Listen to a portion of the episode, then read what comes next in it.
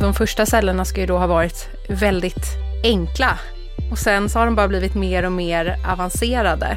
Man kan ju tro att det är så en tom vätska som flyter omkring men det är väldigt mycket komponenter som hela, och det är väldigt många kopior av varje komponent. Och de här rör sig runt, de interagerar med varandra, de möts, de rör sig genom riktad transport och ibland så bara flyter de dit de ska. Så att det, det är väldigt mycket som händer i cellen hela tiden.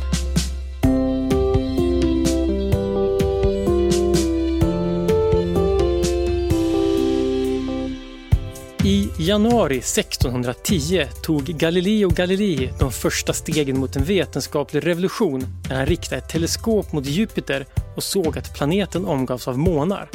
Tvärt vad alla trodde rörde sig inte allting i universum kring jorden och det förändrade synen på både jordens och människans plats i universum.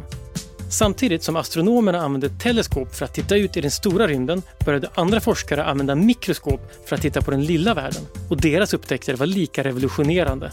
På 1660-talet upptäckte Robert Hooke att levande varelser byggdes upp av ett slags byggstenar som han kallade celler. I mikroskopet såg de ut som tomma rum som skildes åt med väggar, ungefär som cellerna i ett kloster.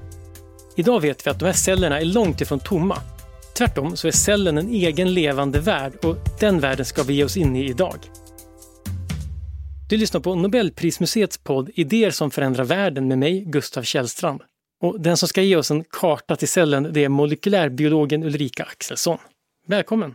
Tack så mycket! Ja, du, du jobbar ju faktiskt med en eh, karta över celler, en cellatlas. V vad är en cellatlas? Eh, jag jobbar med ett stort svenskt forskningsprojekt som eh, syftar till att göra en karta över alla människans proteiner. Och vi vill kartlägga alla proteiner både i eh, alla organ i kroppen, alla olika vävnader som vi har, olika celltyper och sen kommer vi ner till var i cellerna finns proteinerna. Och det är mm. den delen som jag jobbar med. För proteiner är ganska viktiga som jag förstår i celler. Kan man säga kort, vad, vad, vad gör proteiner i kroppen? Det är en, jag förstår att det är en stor fråga, men, men Många av oss kanske bara tänker på protein, då tänker man på det man äter för att när man tränar i sådana här bulkmedel. Men, men, proteiner är viktigare än så, eller hur? Ja, proteiner utför väldigt många aktiva funktioner i kroppen. De flesta av våra enzymer eh, som ser till att saker händer i kroppen är proteiner. Och proteiner är ofta slutresultatet av den information som finns i vår arvsmassa. Så de ligger till grund, de är liksom en, en eh, inte bara en byggsten utan också eh, en aktiv molekyl i cellen. Och det finns väldigt många olika proteiner som mm. utför olika saker. Och, och tillverkas de helt enkelt i cellen? De tillverkas i cellen utifrån den eh, ärftliga information som finns i vårt DNA.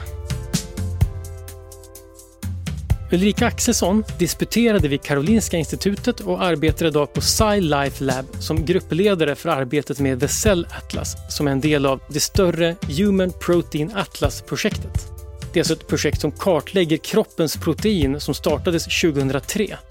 SciLife Lab är en forskningsmiljö som skapats av Karolinska institutet, KTH, Stockholms universitet och Uppsala universitet för att samordna forskning inom molekylär biovetenskap. Man vill hitta var varje protein eh, finns någonstans i cellen och det ger i sin tur ledtrådar kring vad varje protein gör. För de olika mm. delarna mm. i cellerna är specificerade för olika funktioner. Och det talar ju också om i vilken miljö proteinet rör sig, vilka proteiner som finns tillsammans på ett ställe i cellen eh, och vilka som inte är tillsammans. Och det används för att helt enkelt bättre förstå hur cellerna fungerar och är uppbyggda. Mm det är lätt att tänka på det som en byggsten, man tänker som en legobit, men, men att det är liksom en, en, egen levande värld med mycket olika delar. Men, men hur stora är en celler? Eh, en människocell är ungefär 100 mikrometer i diameter. Eh, och det är ungefär 10 gånger så stor diameter som till exempel en bakteriecell. Och de har väldigt vacker, tycker jag, inre struktur. Jag brukar nästan se på det som, du vet vi pratade om, eller du nämnde här i inledningen om universum. Cellen är som ett eget litet universum med, med olika rum där det händer olika saker. De olika rummen ser väldigt olika ut och det, det är väldigt vackert när man tittar på det i mikroskop. Precis som man tittar på en bild av eh, solsystemet eh, och de olika planeterna. Det är lite så ser jag på, på cellen och det, tycker att det är ganska fascinerande att se de här bilderna. Precis, men det är ju det är ett, en, en, någonting vackert som inte så många kan se, för man behöver en del utrustning för att kunna titta på dem. Ja, ja celler i sig är ju, de flesta celler ska jag säga, är eh, färglösa.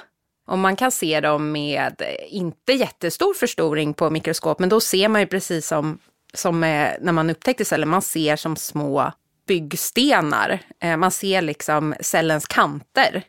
Eh, men mm. man ser inte så mycket av den inre strukturen, utan för att göra det så måste man färga in olika strukturer. Och det är då man får de här riktigt vackra bilderna som man kan hitta i våran, våran cellatlas.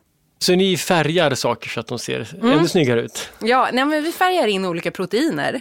Eh, ett ah. protein i taget.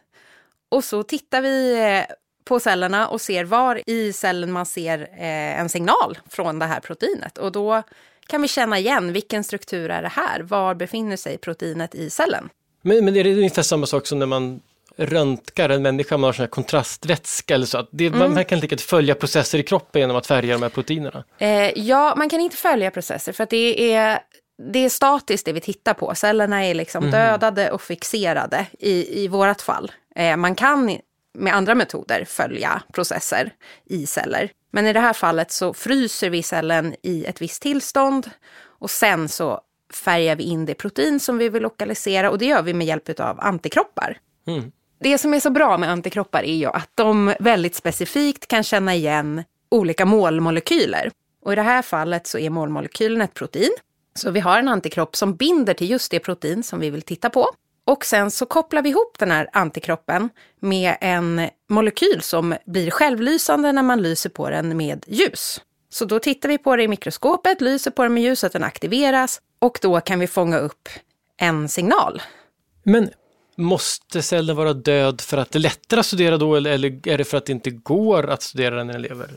Det finns ju metoder för att titta på det i levande celler, men det kräver mer avancerade mikroskop. Man måste då titta på cellerna i miljö där de överlever. Man måste ha ett, ett mikroskop som klarar av att hålla cellerna vid liv samtidigt som man kan liksom, använda själva mikroskopet. Och det är mer avancerat och mycket svårare.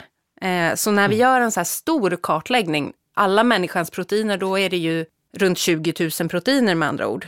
Så det krävs liksom en viss, eh, att det inte tar för lång tid eh, och inte är för avancerat. Så att man är ju lite begränsad i vilka metoder man använder av, ja, men av tid och, och, och kostnad.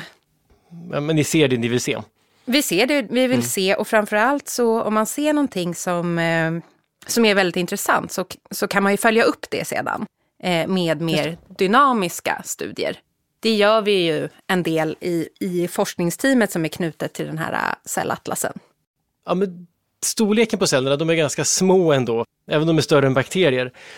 Men hur, eh, den här vackra cellen, hur ser den ut? Vi börjar, de, de har de här cellväggarna eller cellmembranen ytterst. Ja, eh, nej, men alla celler har ett cellmembran. Och det är det som skiljer cellen från världen utanför. Och det är det som möjliggör att cellen fungerar liksom som en enhet. Och det här membranet släpper såklart in och ut olika saker, signaler, eh, näringsämnen, syre, koldioxid och så vidare. Eh, men sen finns det också många strukturer inuti cellen, innanför membranen. Hos bakterier är det ju väldigt enkelt. Då är det mest ett cellmembran och sen finns det massa saker som som inte har så hög struktur inuti bakterien. Men hos människoceller eh, så finns det ju en cellkärna för det första, eh, där ja. vår arvsmassa finns lagrad och där den eh, läses av och där den kopieras. Sen har vi utrymmet mellan cellkärnan och plasmamembranet som kallas för cytoplasman och där finns det flera olika strukturer. En av dem är det endoplasmatiska retikulumet eller ER som man säger kort och gott. Eh, det är som ett stort nätverk av membran som sträcker sig genom cellen. Och här så tillverkas en viss typ av proteiner eh, och även eh, fetter, lipider. Sen finns det jättemånga olika typer av vesikulära strukturer. Det är som små, små runda membranomslutna avdelningar i cellen. Eh, en är till exempel lysosomen och det är en avdelning för nedbrytning av olika molekyler. Så lite som skräp, återvinningscentralen eller skräpcentralen.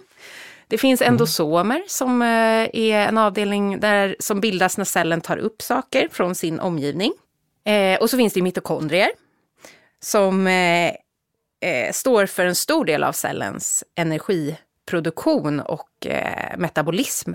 Helt enkelt där cellen bryter ner näringsämnen som kommer från det som vi har ätit från början. Som sen bryts ner i beståndsdelar eh, och används för att producera energi. Och nya byggstenar till, till eh, molekyler som cellen behöver. Eh, mm. Sen så har vi Golgi-apparaten som ligger i nära anslutning oftast till eh, ER. Eh, hit kommer de här proteinerna som har tillverkats vid ER för att sorteras till olika delar utav cellen. Här tillverkas också kolhydrater. Golgi-apparaten har fått sitt namn efter sin upptäckare Camillo Golgi. Förutom cellens inre så studerade han också nervceller. Genom att färga vävnad kunde han studera dem med mikroskop och kunde utifrån det beskriva nervsystemets struktur. När forskningen var viktig, men Golgi menade att nerverna var ett enda sammanhängande system, medan hans rival, den spanska forskaren Santiago Ramón y Cajal, hävdade att det byggdes upp av nervceller som satt ihop i kopplingar, så kallade synapser. Så småningom visade det sig att Golgi hade fel och Cajal hade rätt, men rivaliteten gjorde dem till bittra fiender och det gjorde att båda två vantrivdes stort när de kom till Stockholm 1906 för att ta emot Nobelpriset som de delade på. I sina memoarer skrev Ramon y Cajal att han skämdes över att ta emot Nobelpriset tillsammans med Golgi som han tyckte var en stor bluff. Våra celler får ju sin energi genom en process som kallas för cellandning. Ja, men först så, så äter vi föda och så börjar den sönderdelas eh, i liksom våra matsmältningsorgan och så småningom så tas mindre beståndsdelar upp i blodet och förs via blodet till olika celler. Eh, och i cellerna så fortsätter den här nedbrytningen. Och i samband med nedbrytningen så frigörs det energi. Och skulle man inte ta tillvara på den energin så skulle det bara bli värme. Men det cellen gör är att koppla de här nedbrytningsreaktionerna till att producera sin egen energivaluta som heter ATP. Och ATP är en väldigt energirik liten molekyl som cellen sen kan använda för att driva sina andra processer. Så på så vis kan cellen liksom fördela den energin som, som man får från nedbrytningen av näringsämnen mellan cellulära processer efter vad det behövs. Ungefär som att vi omvandlar, om det nu är vattenkraft eller kolkraft eller vad det nu kan vara, olika den typen av energi till till exempel då elektricitet, så omvandlar cellen kemisk energi från maten till ATP. Ja, exakt. Huh. Hela cellen är ju en, som en biokemisk fabrik eh, där mm. det sker tusentals kemiska reaktioner hela tiden. Och anledningen till att cell, man säger att cellen egentligen är levande är ju att den skapar ordning från ett kaos och bibehåller en ordning eh, från Annars skulle allting bara vara slumpmässigt. Men cellens alla reaktioner syftar till att eh, bilda nya celler och föra vidare liksom, informationen och upprätthålla en struktur. Ja, precis. Den tar in en massa energi för att omvandla till ordning. Ja. Men eh, apropå det nu när vi, jag tänkte vi ska fortsätta med, med cellens inre, men, men det här du nämnde att, att energin kommer in och det, membranet släpper in och ut saker, men cellerna, jag ser framför mig att de ligger, ligger liksom tätt packade ihop bredvid varandra. Hur, hur kommer saker till cellerna från magen eller blodet? Ja, cellmembran är ju vad man kallar för semipermeabla. Vissa saker mm. släpps helt enkelt igenom, framförallt små saker som syre kan gå mm. rakt igenom cellmembranen. Andra saker släpps igenom cellmembran genom olika transportmolekyler och pumpar och liknande. Så cellen kan känna igen vad den ska ta upp för någonting. Men vad, vad, det, vad finns utanför cellen? Var, var, hur kommer det sig att det flyter runt massa saker där? Men utanför cellen så finns det ju eh, vad man kallar för ett extracellulärt matrix. Det, ja, men bindväv, eh, som där det också finns vätska. Så från blodet så, så kommer det ju ut vätska som innehåller olika ämnen Eh, Så att cellerna ligger liksom inte torra, det, vävnad är ju inte torr. Och blodkärlen har ju också Alltså det är ju också celler. Så mm. väggen på våra blodkärl består ju av celler. Och de cellerna har mycket att göra med att släppa in och ut saker i blodet. Precis, och då får den energi och det skapar ordning och det släpper in saker. Och den här ATPn, då transporteras den också runt in i cellen då till de olika delarna i cellen? För att den ska kunna göra proteiner då? Ja, bland annat för att göra proteiner, för att kopiera DNA, för att bilda andra typer av eh, molekyler, eh, fetter, kolhydrater och så vidare. Mm. Så att det finns liksom en, en pool, ja, ett lager av ATP som, som rör sig runt i cellen. Allting i cellen rör ju sig väldigt mycket. Mm.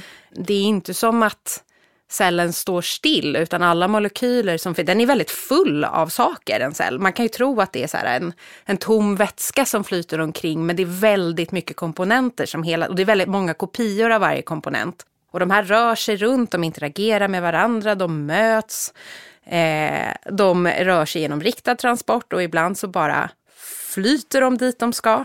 Så att det, det är väldigt mycket som händer i cellen hela tiden.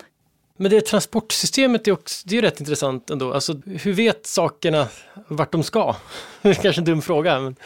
men en, del, en del saker träffas av ren slump.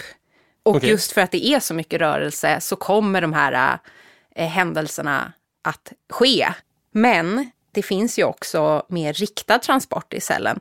Exempelvis eh, så används någonting som kallas för cytoskelettet som är ett eh, filamentsystem i cellen, lite som vårt skelett. Det ger struktur, men det används också för att transportera saker eh, till olika delar av cellen. Och det används också för att bibehålla en struktur i cellen. Så man, de här olika organellerna, de här olika avdelningarna som vi har pratat om, eh, de organiseras ofta med hjälp av det här cytoskelettet på ett visst sätt. Och man kan också då skicka eh, olika molekyler eller komplex av, ofta stora komplex av saker till den avdelning där det ska vara.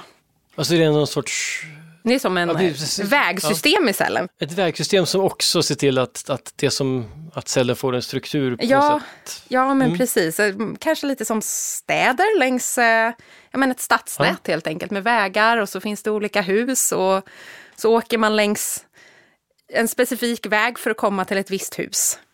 Men det är lätt att tänka på det, man tänker, för det låter som att det är ganska mycket processer som pågår och då tänker man, vem är det som styr alla de här processerna? Finns det någon central styrfunktion? Eller är det mer, när du säger stad, det tänker jag att då leder det tanken till att en stad finns ju ingen som bestämmer varje dag var alla människor och alla bilar och tåg ska åka, tunnelbanor, ja någon bestämmer var tunnelbanor ska åka, men med alla bilar och sånt ska åka, utan det gör ju varje individ utifrån vad man har för motivation själv. Är det samma i cellen, att alla enskilda delar i cellen vet vad de ska göra och det räcker för att det ska funka som helhet? Eller finns det någon övergripande um, stadsplanerare? Alltså jag skulle ju på ett sätt säga att det finns en övergripande stadsplan och en mm. ritning över hur staden eller universumet i cellen ska, ska vara arrangerat och hur det ska fungera och vem som ska vara och vem som ska göra vad i den här, mm. det här stora systemet. Och det är ju egentligen eh, cellkärnan och våra gener. De bestämmer ju vilka proteiner som ska uttryckas eh, i eh, olika celltyper. Och proteinerna i, i sig sen har dels olika funktioner, men i själva proteinstrukturen så finns det också information som talar om vart proteinet ska vara någonstans, oftast. Så de, har, de får liksom instruktioner när de tillverkas? Ja, men instruktionen är liksom inbyggd i molekylerna från början. Eh, men inte bara där, utan också genom eh, när celler eh, delar sig och blir fler så ärver de ju också en struktur från eh, föräldracellen. Alla cellens beståndsdelar, många av dem eh, växer ju till sig eller eh, blir fler när cellen ska dela sig. Och sen så när den delar sig så får båda dottercellerna som man säger, får redan en delvis färdig struktur. Och det är också viktigt, för om man till exempel tog bort endoplasmatiska retikulumet från en cell så skulle mm. cellen inte bara kunna rakt av återbilda ER, bland annat för att eh, det här ER-membranet behövs för att tillverka proteiner som används för att bygga upp ER. Så att man kan ju också även se det som att strukturen hos cellen och hur cellen är arrangerad också ärvs. Så att dottercellerna här ärver ju också en funktionalitet och en struktur och inte bara ritningen. Och det är ju någonting som har utvecklats under otroligt lång tid och som är väldigt, väldigt avancerat och fascinerande. För DNA innehåller instruktioner till hela, alltså varje cellkärna har väl allt DNA som finns, alltså hela vårt DNA. Hur vet cellen vilken sorts cell den är? Och vilket, vilka, du sa protein som ska tillverkas, hur vet den vilka vem bestämmer över DNA helt enkelt? Ja, det är ju superfascinerande eh, och eh, bara det faktum att hela människan, hela vår kropp från början är byggd från en enda cell, nämligen ett fertiliserat ägg. Så det är ju bara en enda cell från början. Den har en arvsmassa, en liksom uppsättning av det vi kallar för då mänskligt DNA och ändå ger den mm. upphov till alla våra olika typer av celler, alla, hur de här cellerna sen sätts samman till eh, vävnader och till organ. Allting kommer ju från början från samma cell. Och det som mm. sker mm. är ju att den här eh, första cellen är ju egentligen den ultimata stamcellen. Den kan bli alla människans celltyper. Det som händer är att under det att vi utvecklas eh, från det här lilla lilla ägget till en färdig människa eh, är ju dels att cellerna delar sig, men också att de stänger av och sätter på olika gener och det gör de framförallt med hjälp av signaler från sin omgivning. Och från början är det väldigt lätta signaler. Det kan handla om befinner man sig nära livmoder väggen eller längre ifrån livmoderväggen eh, när ägget, eller då, då har det ju då blivit lite fler celler när den kan känna av sånt. Och så blir det liksom allt mer avancerat och man får allt fler olika celltyper och olika specialisering. Så även om då varje cell har hela genomet med ungefär 20 000 gener, så i snitt så uttrycker varje cell ungefär 10 000 utav de generna. Det låter ändå ganska mycket.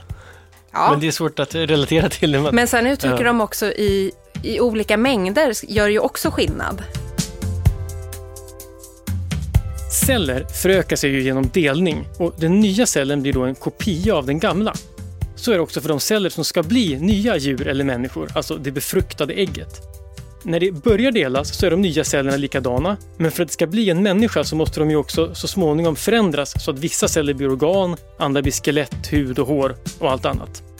Upptäckten av hur det här går till och styrs var banbrytande och fick oss att förstå livets början på ett helt nytt sätt. Och den gjordes av forskarna Christiane Nüsslein Vollhardt och Erik Wichthaus. De studerade bananflugor och lyckades då identifiera de gener som styr hur en cell kan utvecklas till en hel fluga. De fick tillsammans 1995 års Nobelpris i fysiologi eller medicin. DNA till RNA till proteiner eh, är det som man kallar för det centrala dogmat i mm. eh, cellerna. Och det börjar med att eh, DNA i cellkärnan, de delar som ska bli proteiner, de läses av av ett maskineri i cellkärnan Eh, och bildar en kopia som kallas för RNA. RNA i sig kan ha funktioner direkt som RNA, så det är inte alltid RNA översätts, inte alla typer av RNA översätts till proteiner. Men det RNA som ska bli ett protein, det exporteras ut från cellkärnan till eh, cytosolen. Och där så binder det till stora proteinkomplex som kallas för ribosomer. Och de här ribosomerna, det är de som översätter RNA, så sekvensen av eh, kvävebaser i RNA till proteiner. Eh, och det kan dels ske i cytosolen, men det kan också ske vid ER. Och vid ER är det framförallt proteiner som ska vara i olika membran som översätts. Så de här ribosomerna läser på ett väldigt avancerat men genialt mm. sätt sekvensen och översätter det till en sekvens av aminosyror i proteinerna. Så DNA finns i cellkärnan och det lämnar liksom inte cellkärnan utan den skapar en kopia i form av DNA, i form av RNA. RNA. ja, av, av, det, av det, just det som behövs, som inte behöver alltihop. Och RNA sen är instruktionen som ribosomen tillverkar proteiner av. Ja, och det är väl lite ett säkerhetssystem för att DNA ska vara skyddat i cellkärnan och för att det inte ska riskera att förändras, men också för att man genom att ha de här stegen skapar olika möjligheter till reglering. För det är väldigt viktigt vilka proteiner som uttrycks eh, och hur mycket och när. Väldigt mycket regleringssteg just för att cellen ska kunna fungera som den ska och vara den typ av cell som den är och reagera på sin omgivning också. Ribosomerna, där celler bildar proteiner, upptäcktes på 1950-talet av nobelpristagaren George Palade. Han forskade också om själva cellens struktur och kunde se att ribosomerna tillverkades i membranet ER. Det var sedan en elev till honom, Günther Blobel, som kunde visa hur den här tillverkningen gick till. Blobel visade också hur aminosyrorna i protein kan fungera som en slags adresslapp för att de ska komma fram till rätt plats i cellen. Blåbärs upptäckt har gjort att vi bättre förstår hur signaler inne i cellen fungerar och vad som går fel när de inte gör det. Som vid vissa ärftliga sjukdomar. Han fick medicinpriset 1999. För membranproteiner specifikt, alltså de som, som tillverkas vid ER, mm. till exempel sådana proteiner som ska utsöndras ur cellen, sådana som ska till plasmamembranet eh, och liknande. De tillverkas då vid ER och sedan går de vidare från ER till Golgi-apparaten. Så de här två organellerna står i väldigt nära kommunikation med varandra genom små vesiklar som rör sig mellan dem. Och det finns eh, målmolekyler som nyckel och nyckelhål mellan de här som styr att just de här avdelningarna kommunicerar med varandra. Och i Golgi-apparaten så dels så Ehm, kan proteinerna modifieras genom eh, att man binder på andra typer av grupper på dem eller olika, till exempel så i Golgi tillverkas ju också eh, kolhydrater. Och ibland så, vissa proteiner ska ha kolhydrater bundna till sig. Så sådana saker sker också i Golgi, men i Golgi så sorteras också då proteinerna till sina olika slutdestinationer. Så det är en del av den här eh, stats stadsplaneringen, att det finns någon som, ändå, det är någon som har bestämt var saker ska någonstans i det här transportsystemet och Golgi-apparaten är en sån styrfunktion lite grann. Ja, men lite så. Och att tillverka protein, att få energi för att göra det och att eh, delas och bli fler, är det, är, har cellen fler funktioner som vi inte har nämnt där? Ja, men cellens främsta funktion är ju att eh, föra vidare den här ärftliga informationen, skapa kopior utav sig själv och liksom fylla sin funktion eller vad man ska säga.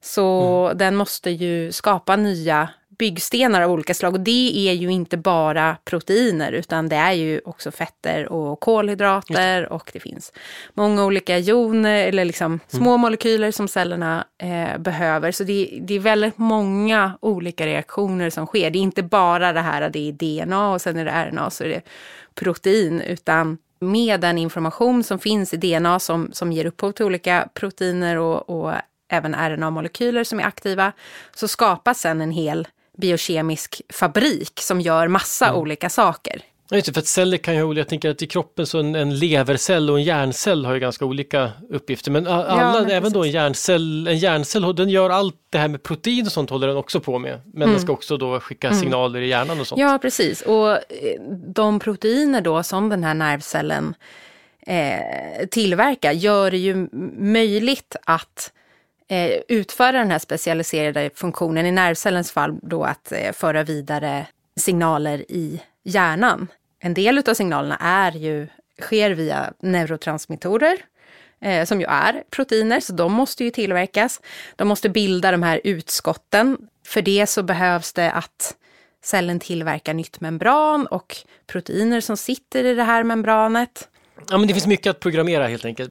Det finns ju också, eller ganska mycket, encelliga organismer. Som, som, för nu pratar vi om, tänker vi lätt på celler, vi har pratat om människoceller. Men encelliga organismer, de, har väl, de, de gör i grund och botten de här enklaste sakerna som att överleva genom att få energi. Det är väl deras huvudpoäng antar jag, och delas. Ja, precis. Eh, och eh, egentligen den, den, grundläggande strukturen hos eh, en cell från en encellig organism och en multicellulär organism som är uppbyggd av många celler, den är väldigt lika. Men i den multicellulära organismen så tillkommer det eh, ett ett till lager av, av information och av funktion i och med att cellerna då också kommunicerar med varandra och samarbetar och, och bygger upp liksom större strukturer också. Men tittar man bara på själva cellen så är de ju väldigt lika varandra i struktur eh, och i de här mm. grundläggande funktionerna som krävs för att cellen ska kunna, kunna överleva. När vi odlar eh, människoceller i laboratoriet som vi använder då för våra, våra studier, då är det ju inte organ vi odlar utan då är det ju människoceller som lever en och en i, ja, men i petriskålar eller i, i andra liksom kärl där man kan odla celler. Så att även våra människoceller kan ju leva en och en. Det är ju väldigt fascinerande. Mm. Hur, hur, känns det? Jag på säga? Det måste ju vara ganska konstigt första gången man gör det i alla fall, att ha en människocell som växer i en skål. Eh. För det är inte samma sak med en människa förstås, men ändå. Nej, det är inte samma sak som människa. De här cellerna, de har eh, ofta så är det eh, celler som har isolerats från en, en levande person från början såklart. Ofta är det cancerceller för att det mm. möjliggör att de här cellerna kan fortsätta att dela sig och dela sig och dela sig och det är vad man kallar då sen för en celllinje. Eh, så att man kan fortsätta att studera samma celler och odla samma celler om och om igen då i labbet. Men eh, det blir ju så abstrakt att man ser ju inte, det är, inte, det är ju egentligen en pytte, pytte, pytte liten del av en människa som mm. vi tittar på. Men, men, vi skulle ju inte kunna skapa en människa bara rakt av från, den, den skulle inte kunna bli en människa bara av äh. den där lilla cellen. Den är liksom redan, det är inte en stamcell utan ofta de här cellerna som vi arbetar med är ju redan en viss celltyp. Så att den skulle inte kunna ge upphov till en hel människa. Men all den den information som fanns, den genetiska information som fanns hos den här människan från början mm. finns ju på ett sätt i cellen. Den har troligtvis förändrats ganska mycket under, för genomet utsätts ju för mycket mutationer och så vidare under, mm. alltså hela tiden. Så det, ju, det, händer, det, blir ju hela tiden att det förändrats. Eh, men mm. många av de här cellerna härstammar ju tillbaka till liksom början av 1900-talet. Vilket är ju ganska knäppt. så det, finns en, det, det, finns en berömd ja. cellinje som är, kallas för hela. Och det mm. är eh, en sammansättning av, eh, av namnet på, på personen som donerade de här cellerna från början. Eh, som hette någonting med Helen Lang eller någonting sånt där. Henrietta Lax. Lax! Ja, titta du har ju bättre mm. koll på sådana än jag. Det är ju jätte, jätteknasigt egentligen. Om hon kunde ja, titta ner och...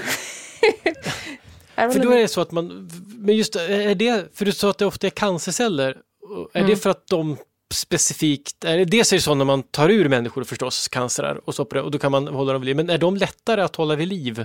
Ja, för det som är speciellt med cancerceller är ju att eh, de inte slu de har fel på, på sin eh, reglering av celldelningen, så de fortsätter att dela sig oändligt. Mm. Eh, och det kan vi ju då utnyttja, för annars om, vi, om, man jobbar med, man isolerar celler från en människa som inte är cancerceller, då delar de sig under en begränsad tid och sen så slutar de dela sig och de, de delar sig långsammare och långsammare så att de åldras, som man säger. Eh, de genomgår mm. det som man kallar för senescens. Men, men eh, våra celler dör ju också. Och det är inte bara dåligt om jag har förstått saken rätt. Alltså celldöd är någonting som en del av cellernas normala funktion, är det så? Ja, det sker väldigt mycket under dels under utvecklingen men också hela tiden under våra liv. Eh, hudceller dör och ersätts av nya hela tiden till exempel. Sen finns det vissa celler som, som till exempel nervceller som absolut inte ska hålla på att dela sig eh, en massa. Mm. Och när vi får ett sår, då behöver man ju ersätta de cellerna som har dött genom en skada med nya celler. Eh, det som behöver hända i vävnaden är att man ska, man ska ha en balans, det man kallar för vävnadshomeostas, eh, där eh, celldelning och eh, celldöd balanseras till det som fyller syftet eh, för vävnaden så att säga. Eh, vissa vävnader så har man hela tiden en snabb rullians eh, av eh, celldelning och eh, celldöd och i andra mm. så, så är det inte så. Men eh, celldöd kan ju ske på olika sätt. Eh, dels så kan ju en cell dö för att den blir, blir skadad såklart. Eh, den kan dö för att den åldras, det som kallas för senescens. Eh, mm. Och det är en slags inprogrammerad klocka i cellen som gör att den liksom slutar dela sig och börjar fungera sämre efter ett antal delningar. Men sen finns det också programmerad celldöd. Det kallas för apoptos också och det är som ett eh, program som kan utlösas i cellen Eh, ofta som svar på yttre faktorer, men det kan också vara inre faktorer. Och det är som en, en ett kontrollerat självmord utav cellen. Eh, när celler dör av en skada och dör helt okontrollerat så släpps det ju ut massa beståndsdelar från cellen i vävnaden. Och det blir liksom lite mer som en katastrofhändelse, men den här programmerade celldöden är lite mer som en, eh, en kontrollerat sätt att, att nu stänger vi av den här cellen. Så om den märker att här är det någonting som är skadligt, det här kan gå åt skogen, då, då är det bättre att stänga ner mm. och själv Ja, dö och själv dö. Och ibland att... under utvecklingen så finns det så här, vissa strukturer som först bildas men som sen ska tillbaka bildas.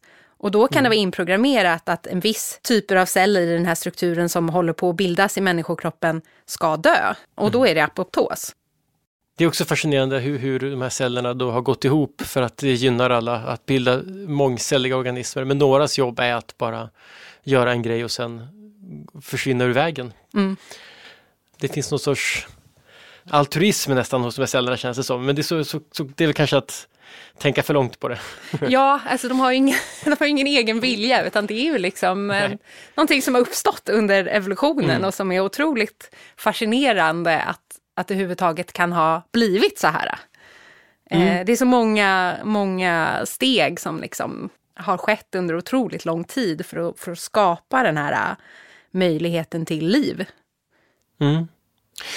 Men en sak som jag tänker på, så vi, vi har pratat så mycket om människoceller och nu lite om encelliga, men bara finns det någon avgörande enkel skillnad mellan växt och djurceller? För ehm. växtceller lever ju också men de kanske, de, de kanske inte rör sig lika mycket då. Men... Nej. Nej men den största skillnaden, eller det finns två riktigt stora skillnader skulle jag säga. Eh, det ena är ju att växtceller har en cellvägg också utanför det här plasmamembranet. Så att de liksom har ett ytterligare lager vilket gör att de är mer rigida. Men eh, någonting som också är väldigt viktigt och som också är en förutsättning kanske för vårt liv är ju att växter har en annan typ av eh, energiproduktion som är komplementär till den som människor och djur har. Vi har ju det här som då kallas för cellandning, då vi tar in eh, syre och eh, kolväten eller organiska molekyler mm. och omvandlar det till, i slutändan så blir det energi, koldioxid och vatten. Men om det inte fanns något som tog hand om koldioxid och vatten och skapade nytt syre och nya organiska molekyler så skulle ju livet ta slut. Men det är det som växterna gör. Så de har ju istället för mitokondrier eh, kloroplaster. Och det de gör kallas ju för fotosyntes. Så de använder helt enkelt ljus och koldioxid och eh, vatten för att skapa energi och organiska molekyler som vi sen är beroende av och syre. Skulle man kunna flytta in kloroplaster i människoceller så att vi kan använda solljuset direkt? Eh, oh. Den tanken har nog faktiskt inte slagit mig. Eh, vi kanske slipper gröna i och för sig, men i övrigt. Ja. Nej, men det är många, det är många saker runt omkring för, för att kloroplasterna ska fungera som behövs. man, mm. man skulle, men det är inte bara själva kloroplasterna utan det handlar ju också om eh, men vad som tas upp i cellen och så vidare. Så det, det, blir nästan att man måste nog ersätta hela cellen för att det här ska kunna ske. Inklusive såklart informationen som krävs, som finns i cellkärnan och i genomet för att driva fotosyntesen. Så, så ja, men det, skulle, det skulle såklart inte funka Nej. i det långa loppet. Det, men, det, eh, det är ett par miljarders år evolution. Ja, men man, man skulle kanske önska att vi kunde göra både och. Ja, jag tänkte på Stålmannen får ju sina superkrafter genom att, från solljuset. Jag tänkte att, ja, men ja. Men precis, så det kan vi inte göra. Men, men all, annars kan man säga så här, alltså, det låter ju som att vi har kartlagt det här, eller inte minst nu när det finns en atlas, eller ni håller på att bygga i alla fall. Så eh, kan man säga, vet vi mycket om cellen nu? Är det liksom, eller, eller, är vi, eller är det här någonting som vi skrapat på ytan, eller förstår vi det här ganska bra? Jag skulle säga att det finns jättemycket som vi inte vet om cellen också. När, eh, när man läser cellbiologi på universitetet så får man en så riktigt, riktigt tjock bok på över tusen sidor och den är ändå bara väldigt grundläggande när man tittar tillbaka på det nu för varje mm. liksom, process. Men i och med att det är så många olika reaktioner som sker, så många olika processer, många olika komponenter och att de är väldigt dynamiska och eh, kan svara på förändringar till exempel i cellens omgivning och så vidare, så räcker det ju inte bara med att veta vad finns där, utan man måste också veta hur fungerar saker och hur hänger det ihop och hur, om den här processen ändras, hur påverkar det andra processer i cellen? Så det finns oändligt mycket som fortfarande kartläggs eh, om cellerna. Mm. Både hur den fungerar när den fungerar som den ska, men också hur den, hur den inte, vad som går fel i diverse sjukdomar. Och när allting kommer vara kartlagt och, eh, när vi förstår allt, det vet man inte. Det känns som att det finns oändligt mycket fortfarande att upptäcka, för man går bara in på mer och mer detaljer hela tiden. Mm. Och jag tänker den allra största frågan är väl liksom vad är det som gör cellen att den lever? Vi vet en del om hur den funkar, kan vi liksom använda det som vi vet och bygga en cell själva? Eller är det något speciellt med cellen? Och i så fall, vad är det? Ja, men även om vi skulle då veta alla komponenter som finns i cellen och hur mycket. Om vi skulle ta det och bara baka ihop det liksom och blanda det i ett provrör så blir det ändå inte en cell. Bland annat för att den strukturen som cellen har, hur saker och ting är ordnat i olika avdelningar och så vidare, den informationen kommer alltid från en annan cell. Så en cell skapas alltid från en annan cell. Mm. Det, är, det är en så intrikat struktur och liksom avancerat avancerade sammanhang och liksom hur allting eh, hänger ihop, att, att vi kan inte skapa det från bara individuella beståndsdelar. Och det är väl där någonstans kanske frågan om vad är liv? Mm.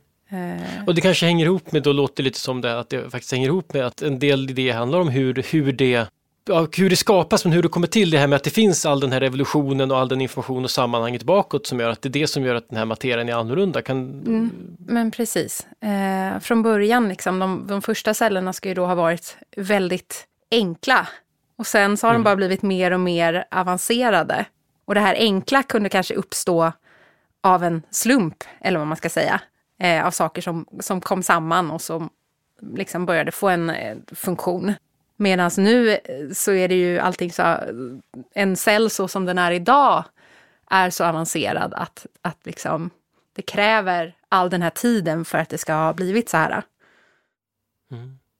Ja, det, det, det, man kommer in på det är spännande för man tittar på någonting som är ganska litet och grundläggande känns det som om man kommer in på ganska stora frågor. Och jag tycker att det är otroligt fascinerande att höra dig berätta om det här. Att det här är verkligen då cellen som den grundläggande delen i kroppen samtidigt som det är allt annat vi pratar om i kroppen och allt, alla tankar som vi tänker just nu medan vi pratar bygger på att det händer saker i våra celler. Det är ju ett otroligt spännande ämne och jag, jättestort tack för att du berättade mer om hur det går till att, att upptäcka det här och en introduktion i alla fall till hur cellen fungerar. Jag förstår att det finns mer att, ja, att ta reda på. Ja, det finns jättemycket mer att ta reda på såklart. Men vi har pratat om en del i alla fall. Ja, precis. Det jag tar med mig verkligen från det här är den här känslan av att det här cellen, minsta beståndsdelen, också är en levande organism i sig på något sätt och att vi är uppbyggda av de här och det får en, får en att tänka på sin egen kropp på ett annat sätt, att här pågår det grejer. Även när jag sitter still och vilar så händer det saker hela tiden. Ja, tusentals reaktioner ja. i varje cell hela tiden. Häftigt. Man känner sig mindre ensam. Ja. Tack så jättemycket Erika för att du kom och berättade. Tack så jättemycket för att jag fick komma. Idéer som förändrar världen är slut för den här gången. Den här podden görs av Nobelprismuseet vi finns på Stortorget i Gamla stan. Information om museets utställningar och öppettider finns på museets hemsida nobelprismuseum.se. Du kan förstås också följa oss på Facebook och Instagram. Och vill du veta mer om Nobelpristagarna och deras arbete så gå gärna till Nobelprisets hemsida nobelprice.org. Och ett stort tack till Nibe Group, EF Education First, Knut och Alice Wallenbergs stiftelse och familjen Erling Perssons stiftelse som möjliggör Nobelprismuseets verksamhet. Idéer som förändrar världen görs i samarbete med produktionsbolaget Filt. Producent är Andreas Wiklund och jag heter Gustav Källstrand. Vi är snart tillbaka med nya intressanta samtal.